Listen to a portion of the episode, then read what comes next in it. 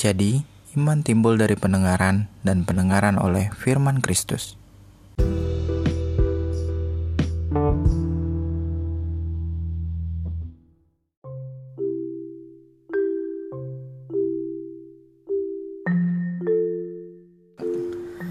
Siapa yang merasa dirinya layak dan berharga? Siapa yang pernah marah atau tersinggung ketika diperlakukan dengan tidak sepantasnya? Setiap dari manusia pasti mau dihargai. Bahkan terkadang ada manusia yang berusaha mati-matian untuk mendapatkan penghargaan dari manusia lainnya.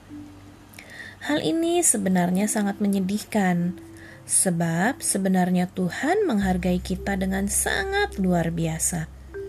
Rasul Paulus dalam Roma 5 ayat 8 berkata, Akan tetapi Allah menunjukkan kasihnya kepada kita, oleh karena Kristus mati untuk kita ketika kita masih berdosa. Bayangkan nilai penebusan kita yang begitu mahal.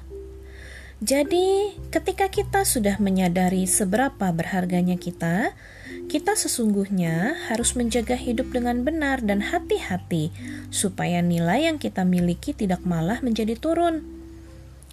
Tapi, masalah terjadi ketika penghargaan yang kita berikan kepada diri kita sendiri menjadi terlalu tinggi, bahkan menganggap diri kita lebih penting dari Tuhan tahu dari mana bahwa kita menilai diri kita lebih tinggi daripada Tuhan? Yaitu ketika kita mulai enggan atau malas mengorbankan kenyamanan, keinginan, dan kepentingan pribadi kita untuk melakukan kehendak Tuhan. Kita takut bahwa dengan melakukan apa yang menjadi kepentingan Tuhan, kita menjadi tidak nyaman atau masuk dalam keadaan yang tidak menguntungkan. Jika pola pikir ini terus kita biarkan, artinya kita sedang memberi makan ego kita supaya menjadi lebih besar dan berkuasa atas diri kita. Tanda-tanda bahwa ego kita sudah menguasai diri kita adalah ketika kita mulai haus perhatian, ketika kita mudah marah atas perlakuan yang menurut kita tidak sesuai dengan ekspektasi kita dan ketika kita mulai membalas perlakuan yang kita rasa tidak menyenangkan dengan memperlakukan orang lain lebih buruk lagi. Saking berharganya kita di mata Tuhan, kita diberi kepercayaan besar untuk memiliki kebebasan atas pilihan-pilihan dalam hidup kita.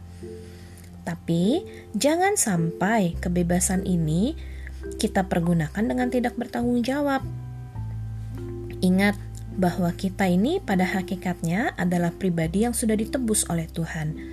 Maka sudah sewajarnya kita hidup dengan mengutamakan semua kepentingan Tuhan, bukannya malah menggunakan privilege yang sudah diberikan untuk kepentingan diri kita sendiri.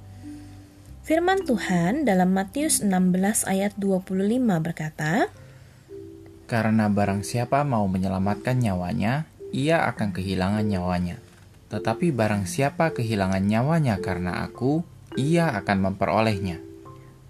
Firman ini mengajarkan kita bahwa saat kita merasa kepentingan pribadi kita lebih berharga untuk dipertahankan daripada kepentingan Tuhan, kita justru tidak akan mendapatkan apa pun, malah kehilangan segalanya. Makna menyerahkan nyawa yang disebut dalam firman ini dapat diterjemahkan sebagai mematikan keinginan daging kita.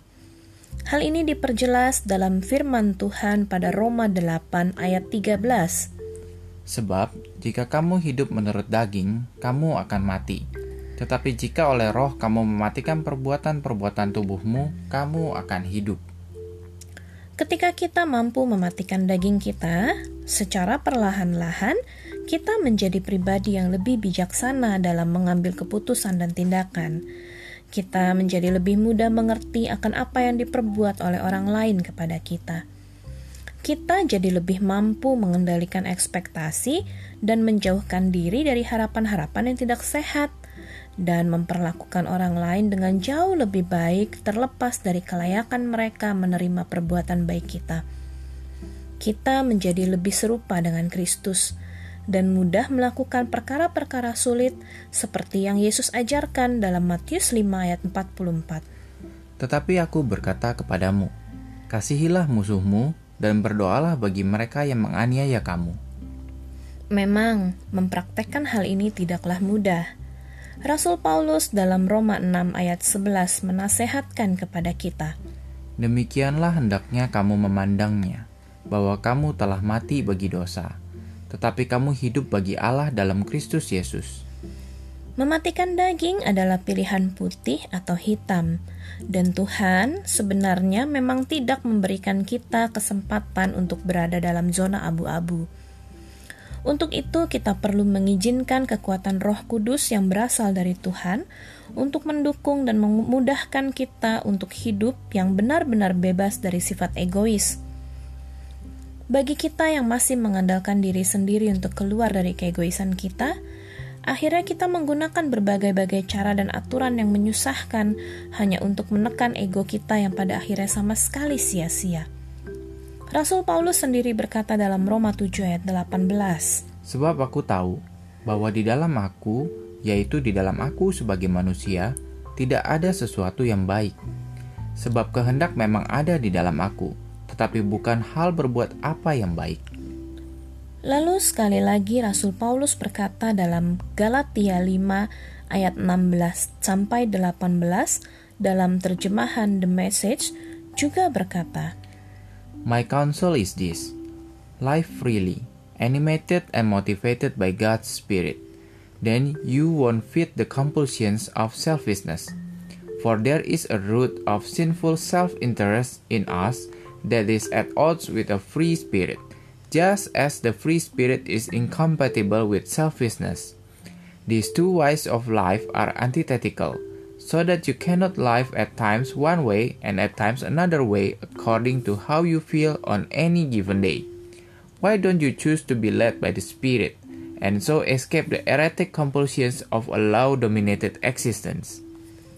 Sampai hari ini saya masih belajar untuk dapat konsisten dalam mempraktekkan hal ini, yaitu terus berusaha mematikan ego dan daging saya, sehingga justru kasih dan kemuliaan Kristuslah yang terpancar dalam hidup saya. Seperti yang dikatakan oleh Yohanes Pembaptis dalam Yohanes 3 ayat 30. Ia harus semakin besar, tetapi aku harus semakin kecil. Mari kita sama-sama mengusahakan iman kita dan terus belajar melakukan apa yang baik dan benar di mata Tuhan. Tuhan Yesus memberkati.